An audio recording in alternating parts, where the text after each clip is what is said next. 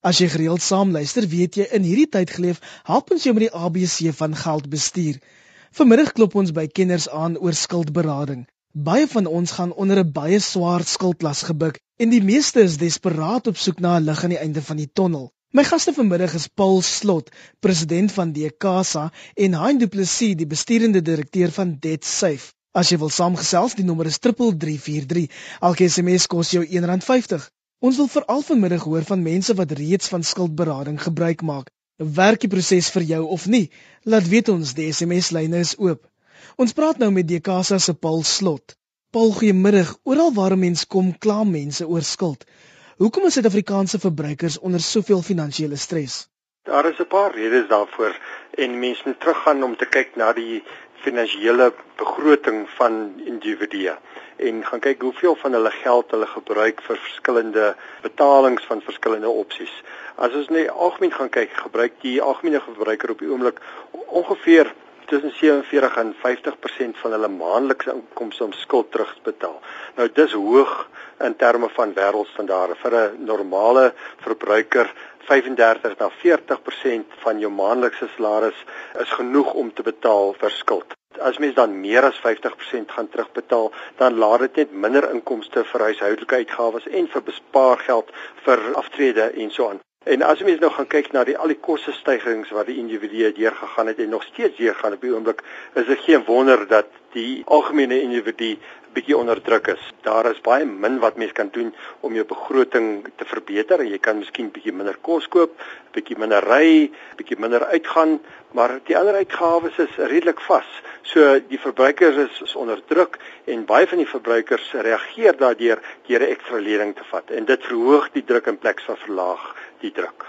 Het ons 'n aanduiding van hoeveel verbruikers in Suid-Afrika onder skuldberading is? Ja, mens moet kyk in die breër prentjie, daar's ongeveer so, so 19 miljoen verbruikers wat gebruik maak van krediet en net onder 9 miljoen van van die verbruikers het skuldprobleme met ander hulle sukkel om hulle skuld terug te betaal. Nou van die 9 miljoen verbruikers wat sukkel, is ongeveer 300 000 al reeds aansoek gedoen vir skuldberading en net onder 200 000 van hulle is nog steeds onder skuldberading. Met ander woorde, hulle het gesê ek het 'n probleem, kom ons sorteer dit uit, kom ons maak 'n plan om dit terug te betaal.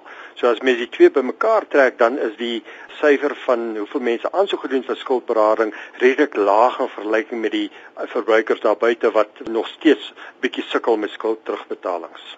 Baie mense is nogal skepties oor die proses rondom skuldberading. Na jou mening, wat is die voordele daaraan verbonde en hoe werk die proses? Ek dink die eerste voordeel wat mense nou gaan kyk en dit is gewoonlik die moeilikste probleem vir 'n verbruiker om te begin is om te sê ek het 'n probleem. Ons verstaan die probleem. As ons die probleem verstaan, kan ons 'n plan maak om om om die skuld te gaan terugbetaal. Gewoonlik begin die proses met 'n hergroepering van jou begroting om te kyk hoeveel geld het jy om skuld te betaal. Die voordeel daardeur kom dan na die proses. So sê ek het 'n probleem, nou begin die voordele tevore kom vir die verbruiker. Eerstens het die kredietverskaffers het toegewings gemaak in terme van fooie en rentekoerse wat die verbruiker nie hoef te betaal as hulle onder skuldberading is nie. Nou net om 'n voorbeeld te gee, as die skulds verbruiker omtrent skuld het van 150 000 rand en dan dan kyk mens na 'n verlaging in die maandelikse paaiement van ongeveer 1500 rand per maand om daai skuld terug te betaal.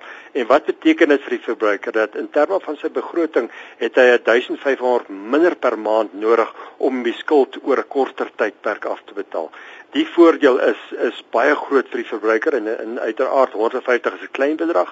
Daar's baie verbruikers wat baie hoër bedrag skuld het en dan gaan die voordeel kleiner wees. Met ander woorde daar's 'n verlaagde bedrag wat mense terugbetaal en daar's ook 'n vaste termyn in terme wat mense gaan uh, terugbetaal. En in sommige gevalle kan die die rentekoerse afgaan substansieel en daai rentekoerse is dan vas vir die periode van die skuldberading en uh, wat ook al die verbruiker meer betaal word dan gebruik om die kapitaal te delg.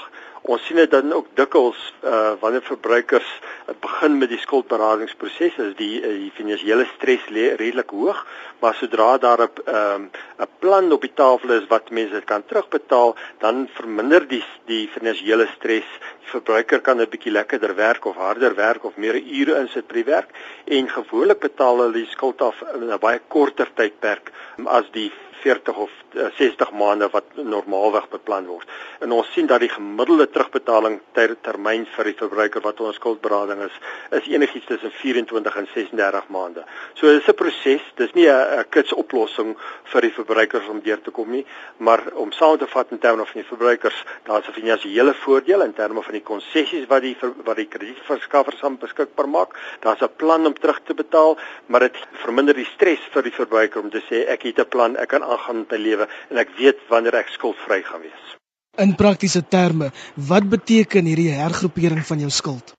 Wat gaan beteken is dat uh, as die verbruiker dan aansoek doen vir skuldberading, dan gaan die mens kyk na wat die totale inkomste van die huishouding is, wat die totale skuld van die huishouding is en wat uh, wat die begroting van die verbruiker dan uh, kan wees in terme van uh as mens vorentoe gaan kyk. Daardie bedrag wat dan beskikbaar is vir skuldterugbetaling word dan aangewend om te bepaal wat se voordele die verbruiker voorkwalifiseer en daardie voordele word dan deur 'n stelsel uitgewerk en dan begin die onderhandeling onderhandelinge met die met die kredietverskaffer om te sê gaan ons kan ons die voordele aan die verbruiker uh, deurgee. Sodra dit gedoen is, maak 'n mens die die terugbetaling vas en mens gaan uh, na 'n landroshof toe om die ooreenkoms wat jy aangaan het met die skuldverskaffers, die kredietverskaffers dan vas te maak die terugbetalingsproses begin dan uh, van maand 1 af van maand 1 af. Die geld uh, totale bedrag word afgetrek deur van die verbruiker se rekening af en daar maak ons gebruik van 'n gereguleerde betalingsorganisasie om dit af te trek en die betaling word dan deurgegee na die kredietverskaffers. En solank die verbruiker hou by daardie plan om die terugbetalings te kan doen op 'n maandelikse basis het die onder die kredietverskaffers onderneem dat hulle geen verdere stappe sal neem teen die verbruiker nie. So dit op oomblik is dit 'n wen-wen situasie. Die kredietverskaffers kry sy geld terug, die verbruiker kan sy skuld dan terugbetaal oor 'n tydperk en natuurlik oor die tydperk van die skuldberading kan die verbruiker dan nie nuwe krediet aangaan nie en die rede daarvoor is daar 'n tydelike vlag op die kredietbureau dat die individu onder skuldberader uh, is uh, gedurende daai tydperk, maar sodra die skuld terugbetaal is, word dit afgehaal en in meeste gevalle is die is die uh, verbruiker dan dan skoon in terme van skuld. Verstaan ek jou reg, betaal die persoon dan net een maandelikse paaiement wat van sy inkomste afgetrek word in plaas van 'n klomp verskillende rekeninge wat betaal moet word. Korrek. Ons sien uh, net of jou dit prakties te maak, die gemiddelde verbruiker wat aansoek doen vir skuldberading het tussen 10 en 15 kredietooreenkomste. En met ander woorde, daar moet sê maar as daar 10 ooreenkomste is, moet daar 10 betalings gemaak word. Daar een bedrag afgetrek van die verbruiker se rekening en hy weet voor die tyd wat daai bedrag is en daai bedrag word dan deur die PDA verdeel en die betalings word dan namens die, die verbruiker aan die skuldverskaffer dan oorbetaal op 'n maandelikse basis. En dit word gedoen net nadat die geld afgetrek is van die verbruiker se rekening. So daar's nie onnodige vertragings daarin nie. Hulle net seker die geld is wel in die rekening van die PDA en dan word die betaling dan gedoen aan die kredietverskaffers. Watter konsessies sal kredietverskaffers toestaan om die verbruiker te help in die proses? Die eerste konsessie wat die kredietverskaffers toegestem het, is die volgende: is dat daar gaan geen fooie betaalbaar wees op die skuld wat terugbetaling word. En kom ons maak dit weer eens prakties, is dat elke kredietverskaffer kan R50 of R57 as mens BTW insluit per kredietooreenkoms aangaan. So met ander woorde, dis die eerste voordeel wat die verbruiker uh, dan gaan kry van die kredietverskaffer as hy 10 ooreenkomste het, dan is dit 10 keer R50 wat die verbruiker hoef nie hoef te betaal nie. Daardie geld kan dan aangewend word om skuld terugbetaal in die in die kredietverskaffer ehm um, stel die verbruiker vry om daai R50 per kredietooreenkomste verskaf. So dis die eerste voordeel. Die tweede voordeel is dat mens gaan kyk na die rentekoers wat die uh, individu gaan gaan betaal. En daar is twee kategorieë. As dit 'n huislening of 'n motorvoertuiglening is, dan kan die uh, koers verminder na onder prima per maand met ander van waarde dit ook al is op hierdie stadium, sal hulle dit ver, verminder na prima of minder as prima koers en in sommige geval die ehm um, bankkoers plus 2%. So dit kan 'n substansiële vermindering in die rentekoers op waar 'n huis of 'n motorlening is. Op onversekerde lenings, met ander persoonlike lenings, kan die rentekoers nog verder verminder en daar kan afhangende van hoeveel die verbruiker dit kan betaal, kan die rentekoers verminder word tot amper nul. So daai voordeel wat die verbruiker dan kry, kan die mens uitrekeninge sê, maar dit is 'n groot voordeel in vermindering van fooie en rente wat die eh, verbruiker betaal en daai voordeel help net die verbruiker om om die skuld baie vinniger terug te betaal. Ten slotte, waar begin die verbruiker as hy in die moeilikheid is? Die grootste probleem is om te sê wanneer is ek in die moeilikheid? En weer eens as ons kan prakties wees, moet die verbruiker kyk na die hoeveelheid van die nabelaste salaris wat gebruik word om skuld terug te betaal. As die verbruiker op hierdie stadium meer as 50% van hulle eh, nabelaste inkomste gebruik om skuld terug te betaal, moet daar 'n rooi vlaggie opgaan en sê maar ek is in die moeilikheid, ek moet kyk na my my terugbetalings. As mense dit vroeg genoeg doen, dan kan jy myself die kastings uit die vuur krap en 'n terugbetalingsplan insit om jou skuld te gaan verminder. As mense dit nie kan doen nie, dan is dit goed om na 'n skuldberader toe te gaan en sê help my met die proses om om daai deur te gaan. So die eerste en die belangrikste ding wat die verbruiker moet nakom en sê ek het 'n probleem, kom ek doen iets aantrent of self of ek gaan na 'n spesialis toe om my te help om die proses te doen. As dit dan gebeur het, eh, dan gaan die skuldberader kyk na die begroting van die individu en al die skuld en hulle gaan 'n begroting opstel vir die individu en daarna volg die bedrag wat betaalbaar is vir die skuldterugbetalings en 'n plan is op die tafel. Daarna as dit op die tafel is, is die die een groot ding wat die verbruiker moet doen is hou by die skuldterugbetalingsplan. Ongelukkig is dan nie dis nie 'n kitsoplossing nie en soos wat Griekeland ook gehoor het, dis 'n proses om uit die moeilikheid te kom, maar die proses gaan elke stapie gaan die mens vorentoe gaan en jy gaan jou skuld terugbetaal en as daar dan addisionele inkomste is, dan kan jy mens daai addisionele inkomste gebruik om vinniger uit die moeilikheid uit te kom. Jy het geluister na Paul Slot, president van DKSA. Ons praat oor skuldberading en sluit nou by Hein Du Plessis van DebtSafe aan. Hein ons praat vanmiddag oor skuldberading. Op watter stadium moet die individu tot die besef kom dat hulle 'n wesenlike probleem het en totaal in skuld gedompel is en dus eksterne hulp moet inroep? Hyder, 'n persoon is oorbelas met skuld wanneer nadat die noodsaaklike lewenskoste van die huishouding gedek is, daar nie genoeg geld oor is om sy maandelikse skuldverpligtinge na te kom nie. Of wanneer 'n persoon voorsien dat so 'n situasie natuurlik in die toekoms kan plaasvind. Ehm um, let op dat ons praat van noodsaaklike lewenskoste. Uh, dit is met ander woorde al die kostes waaroor ons nie noodwendig beheer het nie, byvoorbeeld kruideniers, water en ligte, ons skoolgelde, versekerings ensovoorts. Leksiere word natuurlik hier heeltemal uitgelaat. Maar wanneer 'n persoon op daardie punt kom wat hy sien nadat hy hierdie noodsaaklikhede gedek het, daar nie genoeg oor is om daardie krediteure verpligtinge na te kom wat hy voorgeteken het nie, dan is hy oorbelas en dan het hy 'n probleem. Jy lê nogal klem op die verskil tussen gesonde en ongesonde skuld. Wat is dit? Weet jy, dis 'n baie goeie vraag. In my opinie, gesonde skuld is 'n uh, skuld wat jy kan bekostig, eerstens, en dan tweedens wat aangegaan is om hopelik bates te bekom. Met ander woorde, dis skuld waarvoor jy iets kan wys waarvoor daai die skuldbalans dan ook ten alle tye minder is as die waarde van die item dit is dis belangrik byvoorbeeld om 'n voertuig met 'n goeie deposito te koop en dit eerder oor 36 maande te finansier as wat die gebruikelike 60 maande sou wees. Jy gaan goedkoper koop, jy gaan dit vinniger terugbetaal en ek dink dit is gesonde skuld. Skuld wat wat uh, moet ook natuurlik bekostigbaar wees. Jy met ander woorde jy moet die paaiement kan betaal nadat jy voorsiening gemaak het vir alle kostes in die huishouding insluitende aftreebeplanning en spaargeld. Ongeskonde skuld is natuurlik die teenoorgestelde dit is 'n uh, skuld wat ons aangaan en uh, geld wat ons spandeer, maar ons kan niks daarvoor wys vandag nie. Dit sluit ook natuurlik skuld in om uh, bates te koop wat uh, waarvan ek die verpligtinge nie behoorlik kan nakom nie of uh, ten einde om die verpligting na te kom, delf ek nou in my spaargeld in of ek laat na om byvoorbeeld om te sien na my aftreebeplanning. Ons weet daar is verskeie mispraktyke wanneer dit by skuldberading kom, asook die bedryf van so 'n instansie. Hoe kan RSG luisteraars vanmiddag tussen die koring en die kaf onderskei? Daar is daarom 'n bietjie goeie nuus in hierdie verband. Iwer die nasionale kredietraad het werklik baie werk gedoen om ontslae te raak van elemente in ons industrie wat nie eerbaar optree nie en as daar baie sukses hiermee bereik soos wat onlangs in die media gesien is. Maar ongelukkig bestaan daar steeds hier en daar 'n uitsondering. Ek dink luisteraars moet versigtig wees. Um, 'n Mens kan byvoorbeeld op die internet gaan kyk na prominente firmas wat bemark Ek dink die publiek moet seker maak dat die maatskappy of beraader geregistreer is. Dis baie belangrik. Dit kan ons by die NCR natuurlik uh, nagaan. Verder uh, moet die publiek wegbly van enige firma of beraader wat die verbruiker se gelde self wil vorder en versprei na krediteure. Alle beraders moet deur 'n geregistreerde publieke verspreidingsagent werk uh wat verantwoordelik sal wees om die verbruiker se gelde te ontvang en te versprei en dit is natuurlik net baie veiliger vir verbruikers. Hier is 'n SMS van 'n luisteraar wat vra: "Hoe word ek 'n ingeligte koper en lewe ek binne my lewensstandaarde?" Sjoe, ek sê altyd mense gaan deur soveel uh moeite om hulle inkomste te verdien. Ehm uh, ons moet soveel dissipline en sorg aan die dag lê. Ons moet vroeg opstaan. Ons spandeer ure by die werk.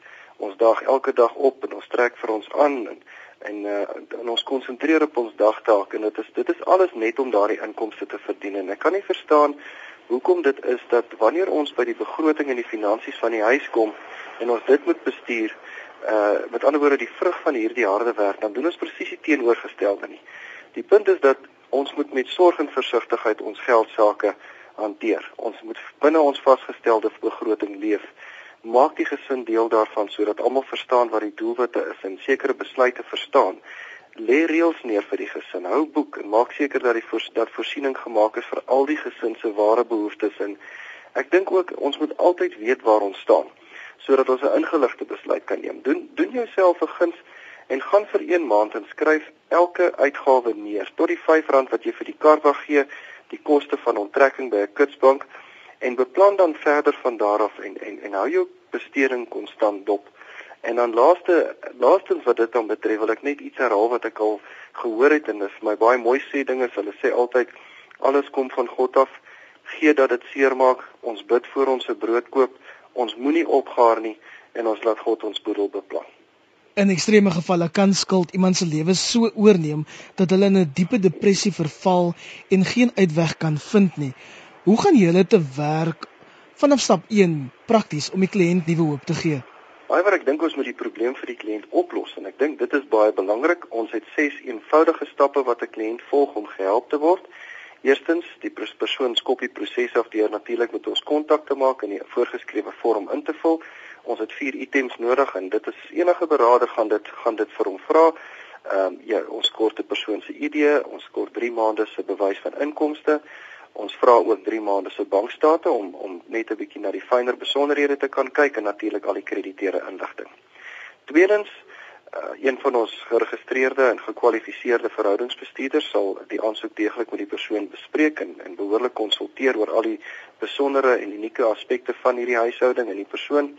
Uh, derdens word ons krediteure dan skriftelik in kennis gestel um, en ehm um, 5 dae nadat die vorms voltooi is natuurlik Uh vierdens nadat alle inligting ontleed is en die fyn besonderhede van hierdie aansoek nou mooi bespreek is, uh, dan trek ons 'n betaalplan op vir hierdie verbruiker wat ons natuurlik ook as 'n aanbod gebruik na die krediteure toe. Dit word voorgelê, krediteure kan kommentaar lewer daarop, hulle kan teenaanbiedinge maak en dan vyftens word die saak natuurlik verwys na 'n landdroshof toe. In die landdroshof moet die landdros dan finaal die skuld herstruktureer in gevolge die skuldberader se se uh, uh, aanbeveling. En dan laastens is die laaste stap die toestaan van die bevel. Ehm um, hierdie is 'n is 'n baie kragtige proses en indien ons die volle samewerking van die verbruiker het en goeie kommunikasie het en 'n goeie verhouding met hom het, eh, dan verander dit mense se lewens en vat dit daardie trauma en stres uit die huishouding uit. Ek wonder nou omtrent hoe lank neem hierdie proses en op watter stadium kan die kliënt al 'n verandering begin sien? Wel die verandering is onmiddellik, want van die eerste maand einde af betaal ons verbruiker al soveel as wat hy kan bekostig oor na sy krediteure toe. Dit natuurlik om te wys hy's ernstig om sy skuld te betaal. Hy betaal so lank wat hy kan en uh, dit is natuurlik nadat hy voorsiening vir sy noodsaaklike lewenskoste gemaak het. Nou daardie bring onmiddellike verligting vir ons verbruiker, maar die totale proses tot en met die toestaan van die bevel kan enige iets van ongeveer 4 maande tot so lank soos 18 maande neem afhangend afhangend van hoe gekompliseer die aansoek is en hoeveel opponering daarvan krediteure is. Maar verbruikers moet verstaan al vat dit dalk 'n rukkie, ons loop deurentyd die pad saam met hom, ons hou sy hand vas in die proses en uh, ons sal hom bystaan regdeur tot aan die einde totdat alle skulde finaal geherstruktureer is tot die huis ensovoorts. Han, is daar enige patroonverskynsels, dit kan nou goed of sleg wees, in die laaste jaar in die skuldarena en waaraan kan dit toegeskryf word? Iwer ja, daar is verskeie waarvan die mees ontstellende sekerlik die tendens is op die oomblik in die toename van onversekerde skuld. Huisverbande sien ons neem af en dan natuurlik neem persoonlike lenings, kredietkaarte, klere rekeninge al hoe meer en meer toe. Nou daar's verskeie redes hiervoor waarvan een van hulle verseker te maak het met die feit dat ons ons mense daar buite dat luisteraars swaar kry, dat daar toename in lewenskoste is uh en dan gebruik hulle hierdie skuld om die tekort in die huishouding te finansier. Skuld word ook dan natuurlik aangewend om ander skuld mee te betaal. Ek gaan ek gaan ek gaan leen geld op my kredietkaart en ek skuif dit oor na my na my verbandrekening toe en dit is 'n baie gevaarlike en ongesonde situasie waarin ons land op die oomblik is en dit is aan die toeneem. Ehm um, ek dink hierdie is 'n tyd om die strop stywer te trek. Iwer en ek wil graag vir net luisteraars vra dat ons moet oplet daarna dat ons eerder in plaas van nog skuld gaan maak om ons kostes te dek wat toeneem, moet ons eerder kyk of ons nie ons lewensstandaard kan afskaal en uiteindelik maar net binne in ons vermoë kan bly nie. Watter stappe neem julle om die individu te bemagtig met kennis om so nie weer in dieselfde lokval vasgevang te word nie? Dis maklik om daardie patroon te herhaal. Dit is verskriklik maklik en dit is maar gewoonlik 'n patroon wat wat oor 'n oor 'n redelike lang tydperk kom. Ek waarsku altyd mense en sê vir hulle dat skuldhersiening nie die einde van al jou probleme is nie. Dis nie 'n pynlose proses en um sonder pyne nie. Dit is 'n proses wat redelik opoffering van ons van ons kliënt vra. Dit vra byvoorbeeld dat huishouding hulle hulle hulle begrotings afwaarts moet aanpas, dat hulle leksede moet sny, dat hulle moet voorsiening maak vir die maksimum billike aanbod aan krediteure. Hulle mag gedurende hierdie proses byvoorbeeld glad nie verder skuld maak nie daarna kan hulle weer aangaan maar gedurende dit en dit kan 'n lang tyd wees want dit hang af hoe lank dit gaan neem om jou voertuig af te betaal of om van jou skuld ontslae te raak. En dis 'n pynlike proses en en dit op sigself bring outomatiese bewuswording by kliënte dat hulle moet in die toekoms beter kyk na hulle finansies. Hulle mense is byvoorbeeld in daardie tyd ook gedwing om ongelukkig net met kontant te werk. Hulle kan nie hulle kan nie uh, meer skuld maak nie, so hulle kan net koop wat hulle kan bekostig met betrekking tot wat in die bankrekening beskikbaar is. En uh, wat ons dan laastens ook doen, ons verskaf sommer aan elkeen van ons van ons kliënte 'n pakkie saad byvoorbeeld en ons sê vir hulle om dit in hulle tuin te gaan plant. En dit is maar net 'n gebaar om te sê luister, die finansiële saad wat jy vandag in die grond sit, gaan 'n bepaalde gevolg of 'n oes oplewer en ek dink ons moet dit baie versigtig doen. Vir families of dalk individue wat vanmiddag saam luister, watter groot lewensgebeurtenisse moet 'n mens voor beplan en spaar? Dis nou dinge soos geboortes, siektes, werksverlies.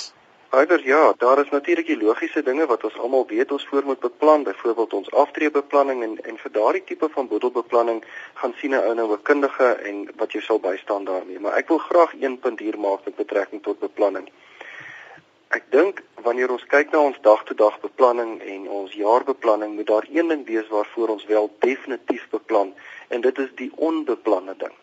Nou dit klink baie snaaks, maar ongelukkig gaan daar met ons onvoorsiene goed gebeur. Ons almal be is bewus van die feit dat ons moet beplan vir die kinders se skoolklere en vir die vir die voertuig se onderhoud en die vakansie wat voorlê, maar ons beplan nie vir daai dinge wat ons nie aan kan dink vandag nie. Ons hoort almal 'n noodfonds te hê waarin ons 'n sekere persentasie van ons inkomste belê. As jy byvoorbeeld 'n 5% of 10% van jou inkomste daarin sit, sal jy binne 'n uh, periode van 10 maande of so 'n volle maand se inkomste daar eenkant in 'n spaarrekening hê wat jy dan kan aanwend vir daardie onbeplande dinge. En ek dink dit is baie belangrik. So gesels Hein Du Plessis, die besturende direkteur van DebtSafe. Vir nog inligting besoek gerus www.debtsafe.co.za. Ek spel dit, dis D E B T S A F E.co.za. Volgende Sondagmiddag om 04:30 bespreek ons van die SMS'e wat vanmiddag op 3343 ontvang is.